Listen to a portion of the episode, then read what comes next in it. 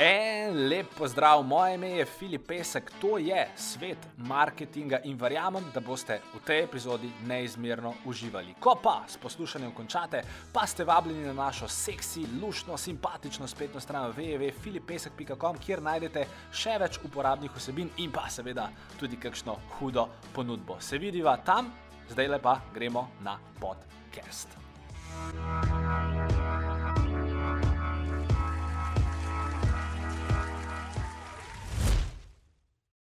Hej, uh, en lep uh, košarkarsko-podjetniški pozdrav. Uh, danes je z mano Matej Venta. Matej, kako si? V redu, Filip. Hvala ti. Jaz sem super. Uh, in lej tle na uvodu, imam veliko stvari tukaj o tebi napisanih. Od tega, da si oče uh, dvema otrokoma, uh, do tega, da si v bistvu bivši profesionalni košarkaš, uh, do tega, da si soustanovitelj uh, podjetja Gross Basket. Ampak Matej, meni je res všeč, da si si danes vzel čas. Zato, ker mislim, da vam je dejansko z Gross Basket podjetjem, projektom za skupnostjo ustvarjali v sedmih letih narediti nekaj, o čemer lahko praktično vsak podjetnik sanja. Torej, iz nule ste prišli nekako do sinonima v Sloveniji za kvalitetno košarkarsko opremo, oziroma nekako se pozicionirali, pozicionirali kot vodilni, edini uh, v svoji niši. In uh, ja, ko me čakam, da nam malo poveš, kako je to vse potekalo, pa kaj vse znate. Ja, veš, da. Lej, uh, jaz bi začel kar na začetku. No? Uh, začel ste leta 2014. Kako je v bistvu sploh prišlo uh, do te groz basket ideje? V bistvu je bilo tako, da sem v tistih letih na nek način počasi zaključoval svojo kariero. Um, mislim, da sem v življenju postavljal cilje, um, pri meni je bilo več drugače. Ko sem videl, da pač uh, v košarki ne morem več tako napredovati, kot bi želel, um, sem v bistvu začel na nek način razvijati to svojo drugo željo. Um, to dejansko je bila prodaja košarkarskih superk. Um, in v 2013 sem se povezal z bivšim soigralcem uh, na Češkem, ki je bil takrat del uh, ene zelo podobne zgodbe uh, na Češkem. Um, in tako se je v bistvu začel, um, bom rekel, en predhodni groz basketa, kjer smo najprej postali, bom rekel, na nek način zastopniki, um, zastopniki za to podjetje. Eno leto smo to zgodbo razvijali in je šlo res v pravo smer. Ampak potem se je ta zgodba zaradi različnih razlogov uh, končala. Uh, jaz sem ostal brez neke prevelike želje po igranju košarke, na drugi strani pa z nekim začetnim poznavanjem tega trga. In sem rekel, da bi to zgodbo nadaljeval. Uh, žena sva si želila, želila ustvariti um, um, družino uh, oziroma jo povečati. Um, in vse sem želel doma. Ne? In pol leta, sem spoznal enega uh, neverjetnega gospoda v tem času kateremu sem na to, to, to idejo predstavil. Um, ta ideja je gospodu Gabrielu iz Grosupla všeč um, in jo je na začetku v malo drugačni obliki uh, tudi podprl, in tako se je začel Gross Basket. Um, Gross Basket. Wow, okay, torej, torej, enostavno, imel si ta pešen za košarko, rekel si, če vle, če, če vle ja. bi rad prodajal in pol. Ja. Si enostavno začel, v redu, pa ime Gross Basket, kako si se pa uh, tega domislil? V bistvu, v bistvu bil eh, Gross Basket na začetku del ene večje zgodbe, um, oziroma malo drugačne zgodbe. Um, Gross Basket čisto preprosto izhaja iz Grossupla. Gross Basket na ta način je pač eh, neka povezanca s tem. In mi smo tudi potem, ko se je zgodba odcepila, pa začela razvijati v svojo smer, veliko razmišljali o tem, ali bi bilo mogoče smiselno to samo ime spremeniti. Ampak ne, ker ime je v bistvu razen neka lokalna skupnost, ki jo povezuje s tem, pomeni nekaj več, nekaj močnega. Uh, in to je mi smo začeli zadr želeli zadržati, in tako je groz baske dejansko vstal. Aha, cool. a, a torej dejansko groje kot grosuple. Grosuple, to je bilo na začetku pač mišljeno, neko del neke zgodbe, nek del uh, in košarkarskega kluba, potencijalno košarkarske akademije. Uh, ta zgodba se ni razvila tako, kot bi se pač mogoče lahko. Uh, ostal je groz baske. In, in, in zdaj na začetku je bilo grosuple, zdaj ste v devetih državah. Moro. To je noro. Ja, hudo. Ja, pa recimo takrat, ko si ti to idejo dejansko. Aha, torej, ideja je bila tvoja in ti si v bistvu soustanovitelj oziroma solasnik pičov, če te prav razumem. In recimo takrat, ko si mu ti to pičov, ki si mu predstavil, a si mu ti razlagal. Vsaj približno v teh stvarih, ki se danes dogajajo, torej šli bomo na top trgov, to bo tak pa tak uspeh, so une tvoje prvotne zamisli bile čist take. Ne, ne. Dejstvo je, dejstvo, da se ti kot podjetnik razvijaš, razvijaš se tudi kot oseba ne? in tako se razvija tudi tvoja ideja, tvoja vizija. Pač od te začetne ideje, kaj dejansko želiš početi, kje dejansko si ti danes, je veliko prehojene poti, veliko enih izkušenj in dejstvo je, da ta ideja na začetku ni imela teh smernic, kot jih ima danes. Torej, tudi Gross Basket, ko smo začeli, je bil mišljen kot ena manjša zgodba. Uh, in ravno gospod Gabriel je v bistvu dal to neko širino, to neko moč razmišljanja, uh, da je treba biti bolj pogumen v samo skupaj, si več upati, razmišljati na veliko. Uh, in je dal, bom rekel, to prepotrebno uh, modrost in širino, uh, da dejansko smo danes, uh, ker smo tako, da jaz gledam kot izredno, izredno uh, pomembnega v tej celotni zgodbi, ne skozi, bom rekel, samo operativo, ampak definitivno skozi. Uh, rekel, prizmo dojemanja poslovnega. Ja, se, ampak a, ti si, ti si um, ki je prenesel idejo, on je dal ta biznis know-how in evo, od takrat naprej, od takrat naprej rastete. V redu, lej. Uh, Omenil si v bistvu torej soustanovitelja, verjetno tudi so investitorja. Uh, Pač, če greš gledat vašo rast, vi ste res iz leta v leto hitro rastli. Torej, 2014 je začel, potem leta 2016 ste šli že v, v bistvu, ta prvo večjo trgovino v Ljubljano, potem so hitro bili mednarodni trgi itd. Recimo, uh, pač vsaj jaz, ko se pogovarjam s ostalimi podjetniki, vsako uh, uh, mlado, hitro rastoče podjetje se slejka prej sreča z nekimi finančnimi težavami zaradi povečanih zalog, cash flow problemov itd. A ste vidva v bistvu lahko za svojim lastnim kapitalom vso to rast podprla, ali ste mogoče šli do pomoč, pomoči skrat do kakšnih bank, ali ste se prijavljali na kakšne razpise, ali se je enostavno ustvarjal toliko prometa, da se je stvar kar sama sebe? Um, ja, v bistvu pri nas je tako. No, pač začetna investicija je bila. Um, um, ni bila financirana z naše strani, oziroma strani bank, vsa nadaljna rast. Ja. Uh, mi smo v bistvu po tej začetni investiciji, uh, se strani, bom rekel, um, takrat um, očetovskega podjetja, uh, podjetja Gabriel Aluminium, um, financirala same sebe že v drugem koraku. Um, in to je v bistvu zelo pomembno. To pomeni, da podjetje Gross Basket se je dejansko razvijalo uh, zdravo, na pravi način samo sebe financira, kar je zelo pomembno, na drugi strani pa dejansko. Če ne bi bilo tega začetka, bi bilo danes to zelo, zelo, zelo težko.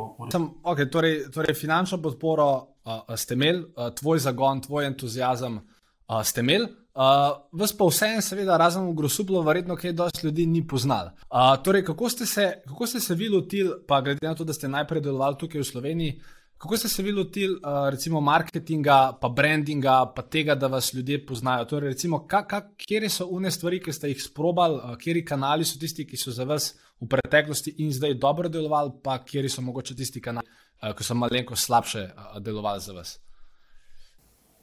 V bistvu, da smo mi sploh prišli v situacijo, kjer smo, smo mogli najprej prilagoditi projekt. Torej, prilagoditi projekt, ki bo v bistvu privlačen in pa zanimiv in pa potencijalen tudi za naše partnerje. In vse, bom rekel, takrat smo se, po kakšnem letu, leto pa pol od ustanovitve Gross Basketa, praktično zaprli v pisarno, tri, štiri mesece, prej dejansko brainstormali, kakšen projekt bi postavili in tako se je rodil. Uh, Gross Basket, ker smo vedeli, da moramo postaviti malo drugačen projekt, projekt, ki bo res navdušil uh, to celotno skupnost. Um, in to nam je uspelo. Uh, in dejstvo je, da je sam, sam Gross Basket, tudi sama trgovina, uh, spletna trgovina in pa ponudba, ki jo imamo, že sama po sebi, uh, marketing. In mi smo znotraj tega, to je bila neka osnova, uh, smo pa vedno držali neko rdečo nit, da ne želimo biti uh, nekdo, ki bi vodil cenjen marketing, um, ki bi hotel na tak ali drugačen način priti do hitre prodaje. Ne, pri nas je ključna tista zgodba in mi razvijamo zgodbo, mi govorimo zgodbo. In na nek način a, je glavno sporočilo Gross Basketa ravno to, da želimo narediti a, košarko boljšo, želimo pokazati, kako široka, širok pojem košarka je. Da to niso samo košarkari, da to ni, a, ne vem, sem rekreativna ali profesionalna košarka. Ne, tukaj je veliko več stvari noter, tukaj je od navijačev do. Cicibanov, do uh, sneakerheadov, ki so danes pač ena čisto posebna branža, uh, zadnjih nekaj let, ki se močno, močno razvija tudi v Sloveniji. Uh, in tako naprej. Ali pa ne vem, dva gospoda, ki pridete zjutraj na kavo, pa se pogovarjata o Luki Dončiću, kako še je dal prejšnjo tekmo in tako naprej. Torej, vse to tvori neko celoto, uh, neko košarko kot komunit, uh, kot kategorijo. In to je tisto, čemu mi najbolj stremimo, torej razvijati in povedati na pravi wow. način. Hudo, pa v okviru te komunikacije, zdaj bodi si prek nekih tradicionalnih kanalov, bodi si prek nekih digitalnih kanalov.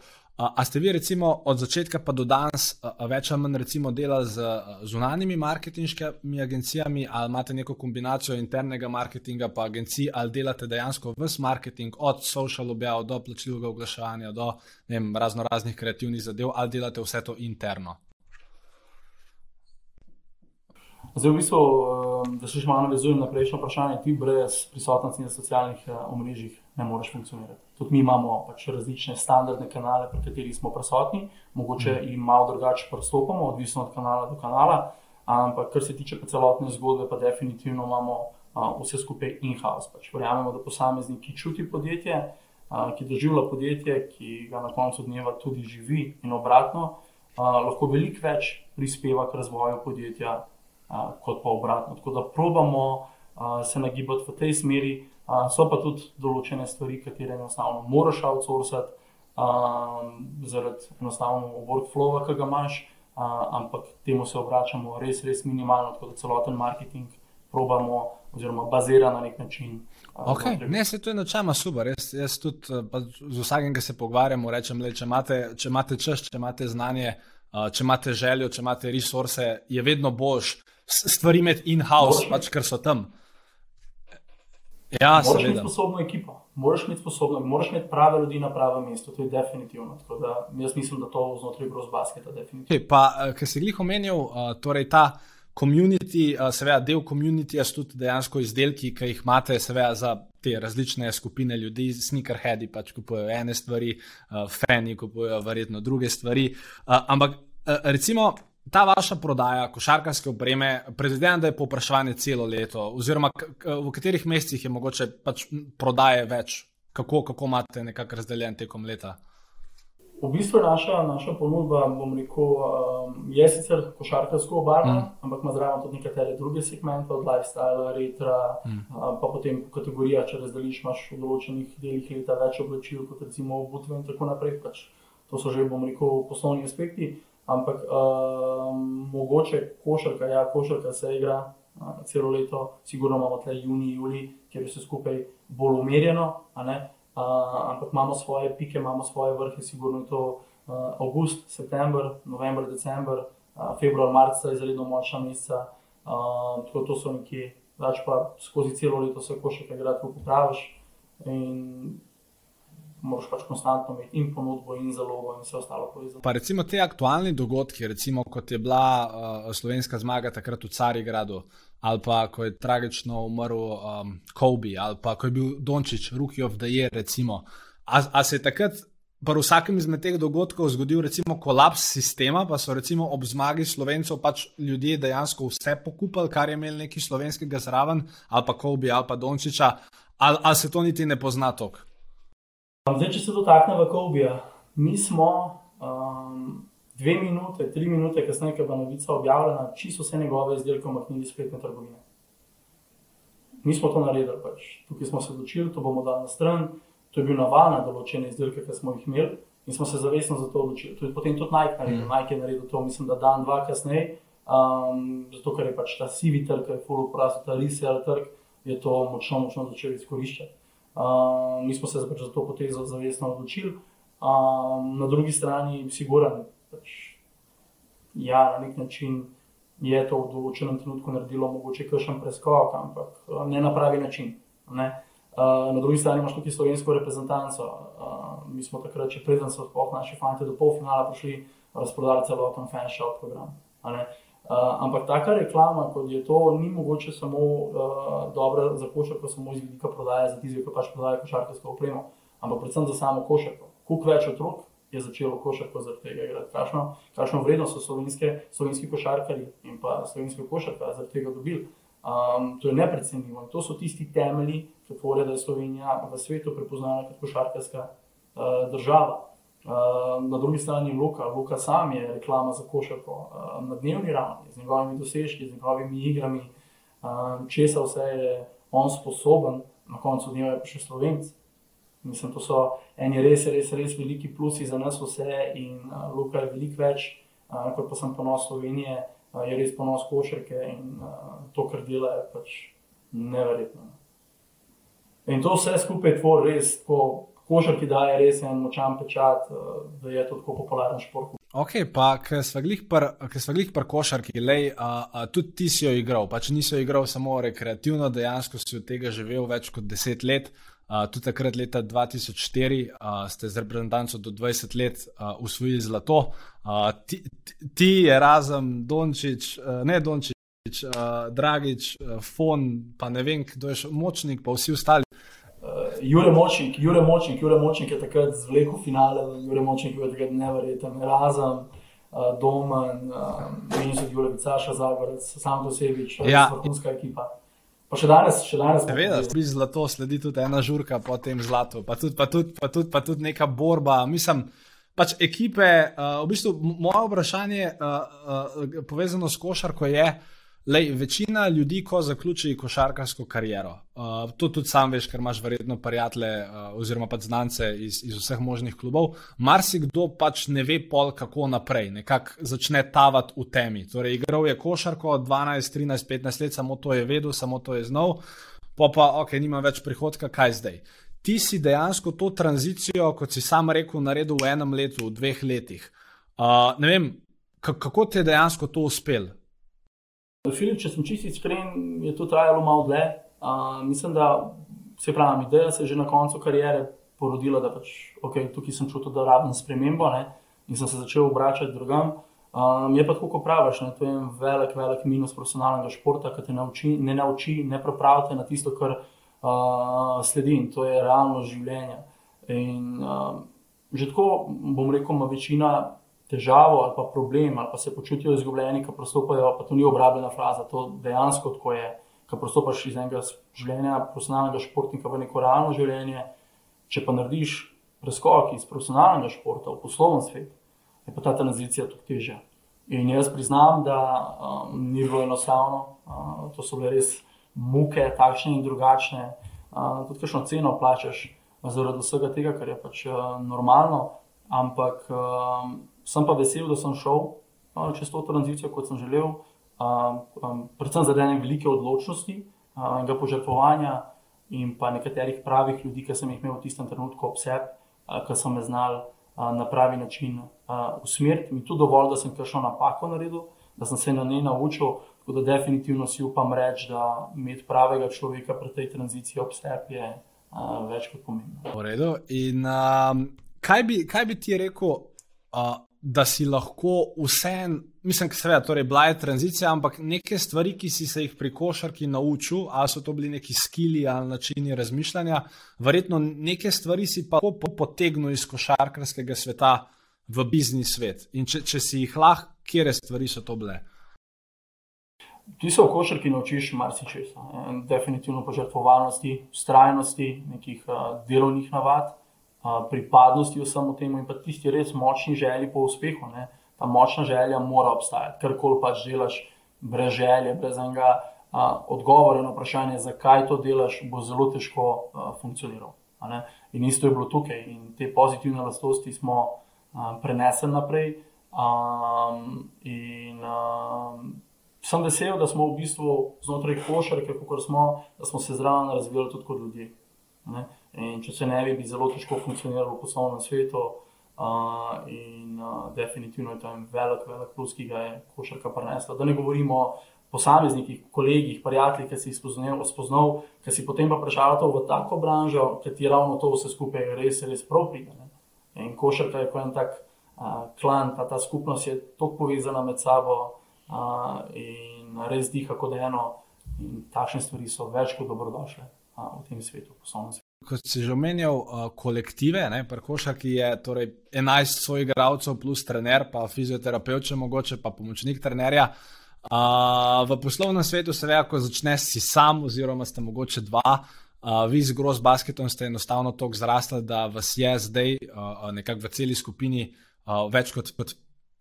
Zdaj nas je nekje že 35 zaposlenih, um, tako da si uh, lahko misliš, koliko dela je, ko delamo z Mišelom. Um, v bistvu ni enostavno, ampak imamo zelo dobro tako razdeljene vloge, kdo je za kaj odgovoren. Um, in kljub vsej tej dinamiki, um, ki jo bom rekel, hitro raz za sabo prenaša, Um, imamo stvari, bom rekel, pod nadzorom, ampak kljub temu vedno vidiš prostor za izboljšave, za nadgradnje, kako kaj drugače narediš, vedno iščeš uh, način, kako isto stvar narediti čim hitreje, čim, čim bolj efektivno. Uh, tako da so izzivi na dnevni ravni, definitivno. Pred, prej sem začela pogovarjati, sem se pogovarjala večino uh, karijere košarkarske, si igral organizatorje igre, torej nekoga, ki mora na terenu usmerjati štiri svoje igralce. Uh, zdaj, verjetno, moraš usmerjati dosti več ljudi. Pa me v bistvu zanima, uh, kakšen leadership stil si vsaj ti nekako ubral, torej kakšen odnos. A pa tudi mogoče kot groz basket, kot cela zgodba, na kakšen način funkcionirate v, v ekipi. Ste mogoče bolj tako kot recimo Željko Obradovič, ki se pač dere cel dan od, od, začetka do konca, si bolj mogoče kot Kokoškov, ki bolj tako premišljeno, pametno, tiho deluje. Skratka, kakšen, kakšen stil leadershipa imate no, znotraj podjetja? V bistvu prva stvar, ki jo počnemo, je definitivno, da postavimo prave posameznike na prava mesta. To pomeni, da pač ti moraš imeti pravega človeka na pravem mestu, da dejansko se lahko tudi soočaš z vsemi temi izzivi in pritiski, ki jih eh, današnja dinamika poslovanja prinaša. To je sigurno prva stvar. Uh, druga stvar, ti moraš, bom rekel, tudi uh, ne glede na vse, čeprav imaš rad kontrolo, osebno jo imam, zelo rad, rad vem, kaj se dogaja, rad vem, da se je kemik drugače obrnil, ker potem veš, da, um, na kak način odreagirati ali pa kako kakšno stvar izboljšati. Moraš ljudem tudi pustiti določeno svobodo, ampak znotraj nekih uh, rules of the game, kot mu mi pravimo, ki si jih kot podjetje postavil. Torej, da res paziš, na kak način komuniciraš, um, da se zavedaš, da si tukaj na koncu dneva um, zaradi posla, uh, zaradi komunitija in ne obratno, ni komuniti tukaj zaradi tebe. Um, torej, to je zelo pomembno, da imaš to zelo dobro razčiščeno in pa da probaš um, pustiti, da se posamezniki tudi če skašajo napako razvijajo. To je zelo pomembno. Seveda opozoriš, greš, poskrbiš, da se te napake ne ponovijo, ne? ampak definitivno moraš pa posameznikom dati prostor, dati možnost za razvoj, ker sam ne zmoriš. To je ena velika lekcija, ki smo se v Grozbasketu naučili, da sam boš zelo težko karkoli dosegel. Ne boš, dajmo si priznati, ne boš. Ja, boš prvi skočil na ladjo, boš dal idejo, ampak če hočeš celoten proces speljati od A do Ž in imeti uspešen projekt za sabo, moraš evolvirati svojo ekipo, jo na pravi način stimulirati in to zgodbo razvijati skupaj se mi zdi smiselno. Uh, zelo, zelo. Uh, pa v bistvu ne samo, uh, torej ta ekipa zdaj dejansko ne kontrolira več samo slovenskega trga, ampak kot so že prej rekla, uh, pač ste šli za, vsaj za spletno trgovino na tuje trge, pa tudi v Hrvaškem, pa na Mačarskem, če se ne motim, imate dejansko fizično trgovino. Uh, na, na kater trg ste recimo šli na zadnje? Uh, zadnji, je bil, zadnji je bil mačarski trg. Mi smo v 2014 bili v Suple, 2016 smo se preselili v Ljubljano. Tako je naslednje leto Zagreb, to je bila velika šola za nas, torej razvoj grozbasket Zagreba, večji trg. Prvič si se spoznal, kako je to dejansko delovati v drugi državi, pa ne glede na to, da je to med Ljubljano in Zagrebom ne, 150 km razlike. Ne, in potem Mačarska. Mačarska je v bistvu zrasla med COVID-1 in COVID-2. Um, tam smo imeli ogromno, ogromno enih izzivov, ampak smo se definitivno odločili, prav, da smo nadaljevali s projektom, ne glede na dost uh, nesigurno situacijo, ki je takrat vladala na trgu. Um, ampak uh, na nek način probamo razvijati zgodbo groz basketa na ta način, da raje manj trgovin, glavna mesta v državah, ki imajo neko košarkarsko uh, zgodovino, košarkarski komunity. In Mačarska definitivno ima, Mačarska je v neverjetnem razvoju um, Hrvaško, Hrvaška, vemo, kaj pomeni v svetu košarke, v Sloveniji pa spomnimo zgodbo besed. Tako da mi definitivno probujemo grozbaski na ta način razvijati en tak organski razvoj firme. Um, In definitivno že delamo na trgovini številk. Kaj pa te recimo, države, torej na spletu, pač pa poleg teh treh držav, imate še seveda ostale države. Kako pa, oziroma kaj je mogoče razlog, da, da niste čist torej, da, da prek spleta ne prodajate v vsako državo v Evropi. Torej, zakaj, zakaj imate samo nekatere države pokrite? Je to bolj časovni problem ali je logistična zadeva?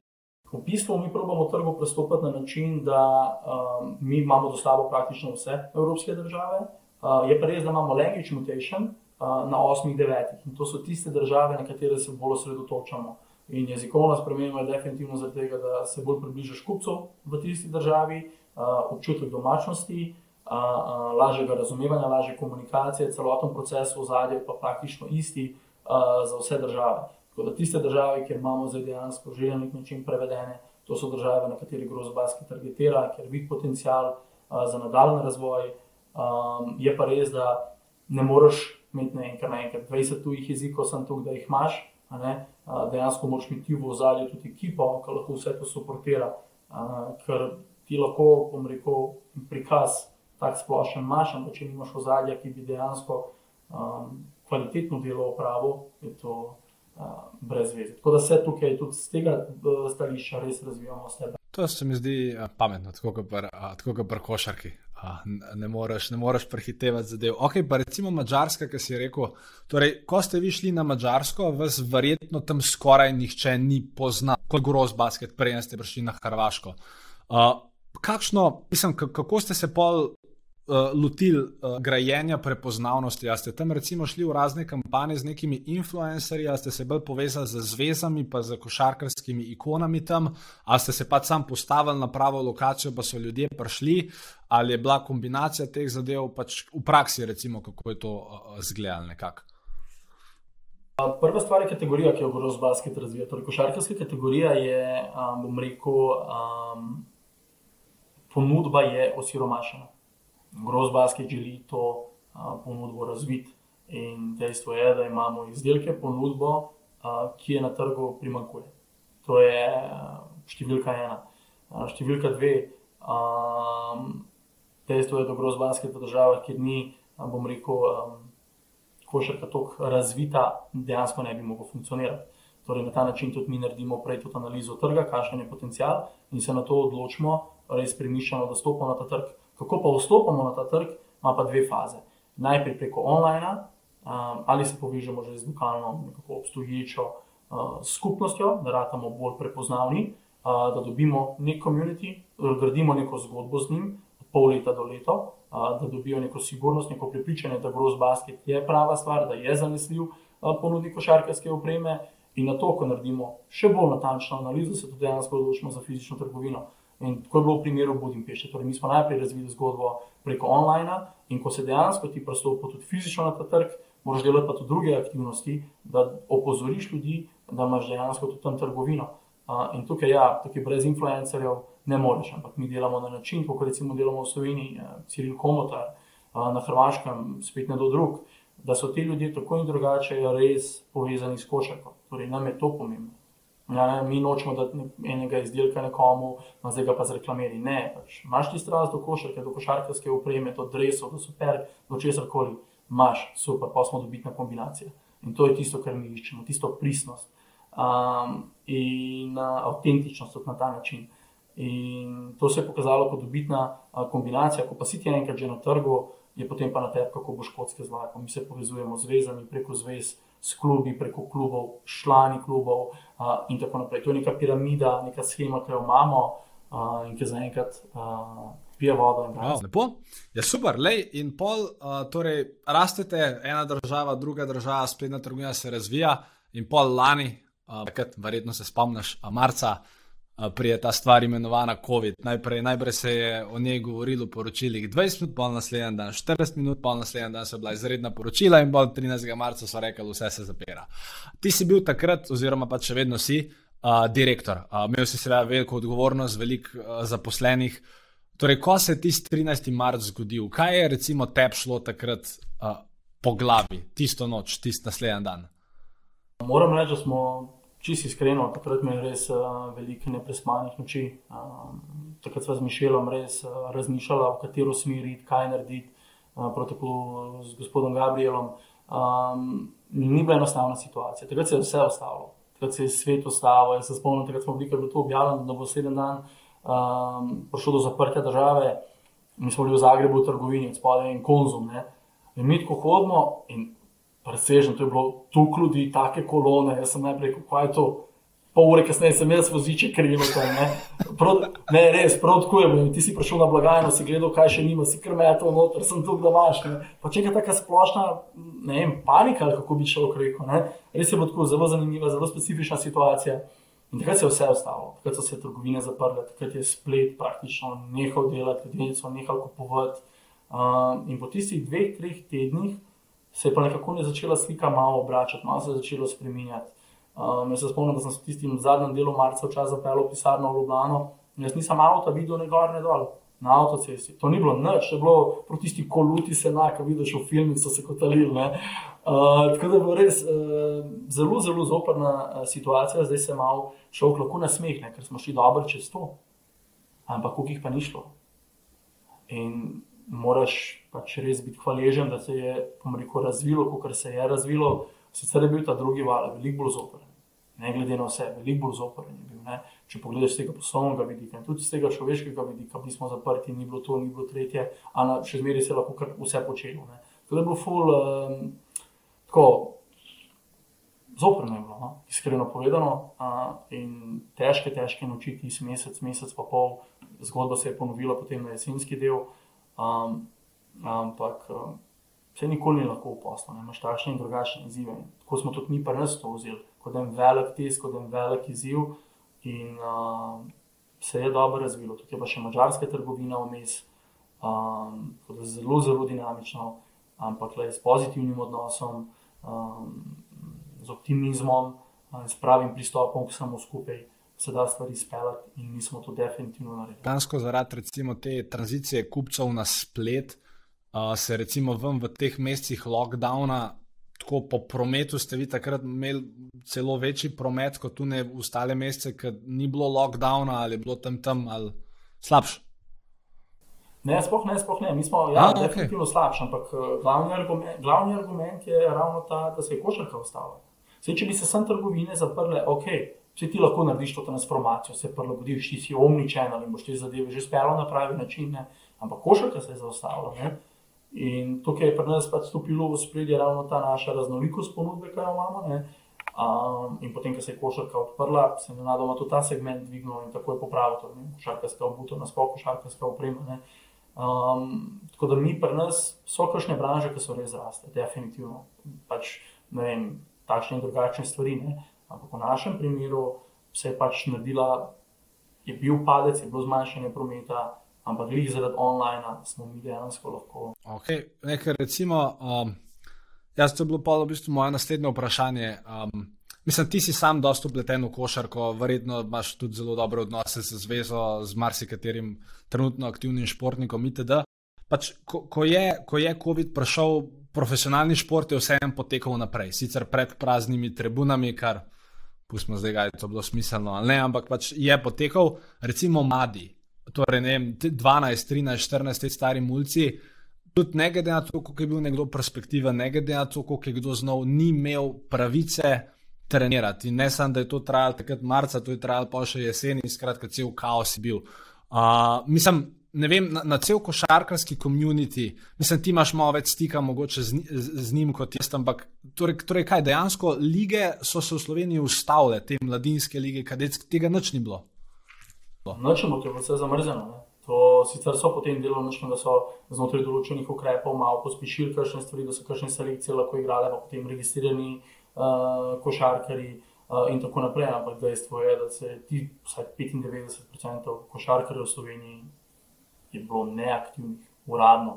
Da je kdo na igrišču doma metal na koš ali kakorkoli, pa so bile kakšne dvorane odprte, to ne vem. Ampak dejstvo pa je, da uradno gledano je košarka zaostala. To ne samo v Sloveniji, tudi drugje je tako bilo. Um, malo manjše umitve so bile na Hrvaškem. Ok, Mačarska je funkcionirala, Mačarska tega ni naredila. Torej, od države do države so bile te stvari različne. Ampak za ostal šport v takšni meri, na ta način, definitivno ni bila prava odločitev. Ne glede na vse. Šport je tisti, ki krepi in telo, in duha, um, poskrbi, da si zdrav, da lahko funkcioniraš, da si tudi psihično zdrav, ne samo fizično, tudi psihično. In da se je dalo to v takšni meri na stran, um, sigurno ni bila prava odločitev. Um, jaz močno, močno verjamem, da se kaj takega več ne bo ponovilo. Pa ne samo zaradi nas, ampak tudi predvsem zaradi športnikov, zaradi otrok. Ja, mislim, pa tudi, pa tudi smiselno ni, če tako pogledaš. Dru, dru, druga stvar bi bila, če bi to bilo tekmovanje seniorjev, ki so stari 70, pa na vozičkih, zelo grdo rečeno. Ne? Ampak če pa govorimo o mladih, ki sami vemo, koliko so imuni, oziroma kaj se z njimi pravno zgodi. Ja, pač torej situacija je bila uh, daleč od tega, da je bila optimalna, nekako smo čez to prišli, verjetno uh, se bodo pač posledice čutile še nekaj let zaradi tega, ker to je pač izpad praktično cele generacije. Ne? Torej, če ena generacija, mislim, predstavljaj si ti, da od 13 do 14 leta, pol leta ne bi mogel trenirati, se veš, kaj bi se ti zgodilo. Pač gro, groza. Ni, ni ok, ampak zdaj za nazaj ne boš ja. spremenil. Ne? Mm. Ampak upam pa, da smo se vsi na, temo, na to temo nekaj naučili mm. in da ne glede na to, kaj prinaša prihodnost, da se to vrstne stvari res ne bodo nikoli več zgodile. Lej, uh, imamo zadnjih pet vprašanj, uh, takih, uh, takih hitrih, Matej. Uh, da mi povej, uh, zdaj si torej sedem let podjetništva, oziroma plus eno leto tistega, tiste predgroz basket zgodbe, zdaj nekako za tabo, oziroma mogoče še kakšno leto več. Ampak da mi povej, kaj je recimo ena stvar, uh, uh, ki jo danes veš. Bodi se to nek skill, bodi se to nek mindset, neko prepričanje. Skratka, ena stvar, ki jo danes veš, pa za katero bi si mogoče želel, da bi jo vedel že na začetku uh, svoje podjetniške poti? Filip, če si iskren, težko povem ena stvar, ker se ena stvar prepleta z drugo, ampak sigurno pa je, da uh, moraš biti potrpežljiv, um, da, da enostavno moraš pustiti, da čas tudi naredi svoje stvari. Uh, moraš se zavedati, da sam ne zmoriš vsega. Ne? Ti si lahko daš na svoj hrbet, sem tukaj in tukaj težak uh, na hrbnik, več od tega ne moreš. Um, in uh, to so sigurno stvari, uh, ki bi jih, verjetno, zdaj, če gledam za nazaj, uh, spremenil, prilagodil. Um, drugo pa ne, to, da moraš ti 3, 4, 4, 5 let dejansko se res vsemu okrog sebe odreči, da bi funkcioniral. Jaz mislim, da je to del tega. In na koncu gledam, da je tako prav, ker dač verjeten danes ne bi bili, kjer smo. In neko ceno za nek uspeh, pač v eni fazi življenja, moraš plačati. Ampak um, na koncu gledam nazaj, jaz sem pomeren zaradi vsega. Kdo misli, da bo pet let delo, pa potem nič, se moti. Ti moraš pet let poren delati, pa potem še več. In pač tako je, ne? ker ti zrasteš in če misliš, da pa potem zrastel, pa neho delati. Ja, ne, ne, ti imaš potem tukaj večjo odgovornost, ti imaš več ljudi, bolj si pomemben partner in skupnostim. In več sebe moraš dodati noter. Zato je zelo pomembno, da stvari, ki jih delaš, da jih delaš z ljubeznijo. In ko enkrat to, je to prava stvar. No. V redu, super. V teh, v teh uh, sedmih letih si, si mogoče kakšno knjigo prijel v roke, dobro, ki ti je ostala v, v spominu. Ali ne bereš? Uh, v bistvu tako, nikoli si nisem časa za te stvari vzel, pač priznam, okay. sem živelo stvar ni bil v zadju, ker sem ga rad prebral.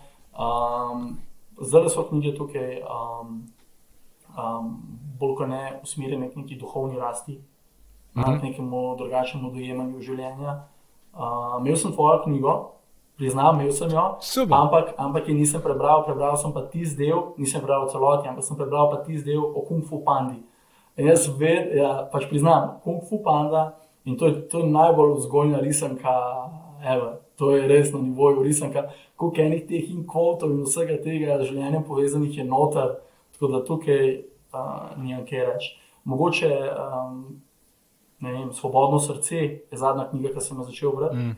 Um, Cool. Mogoče ta, ta bi bila taka. Ta prava. Dost, uh. Ja, ne, sej, mislim, sej itak je. Uh, mislim, jaz to načeloma vsakega vprašam, ki ga imam.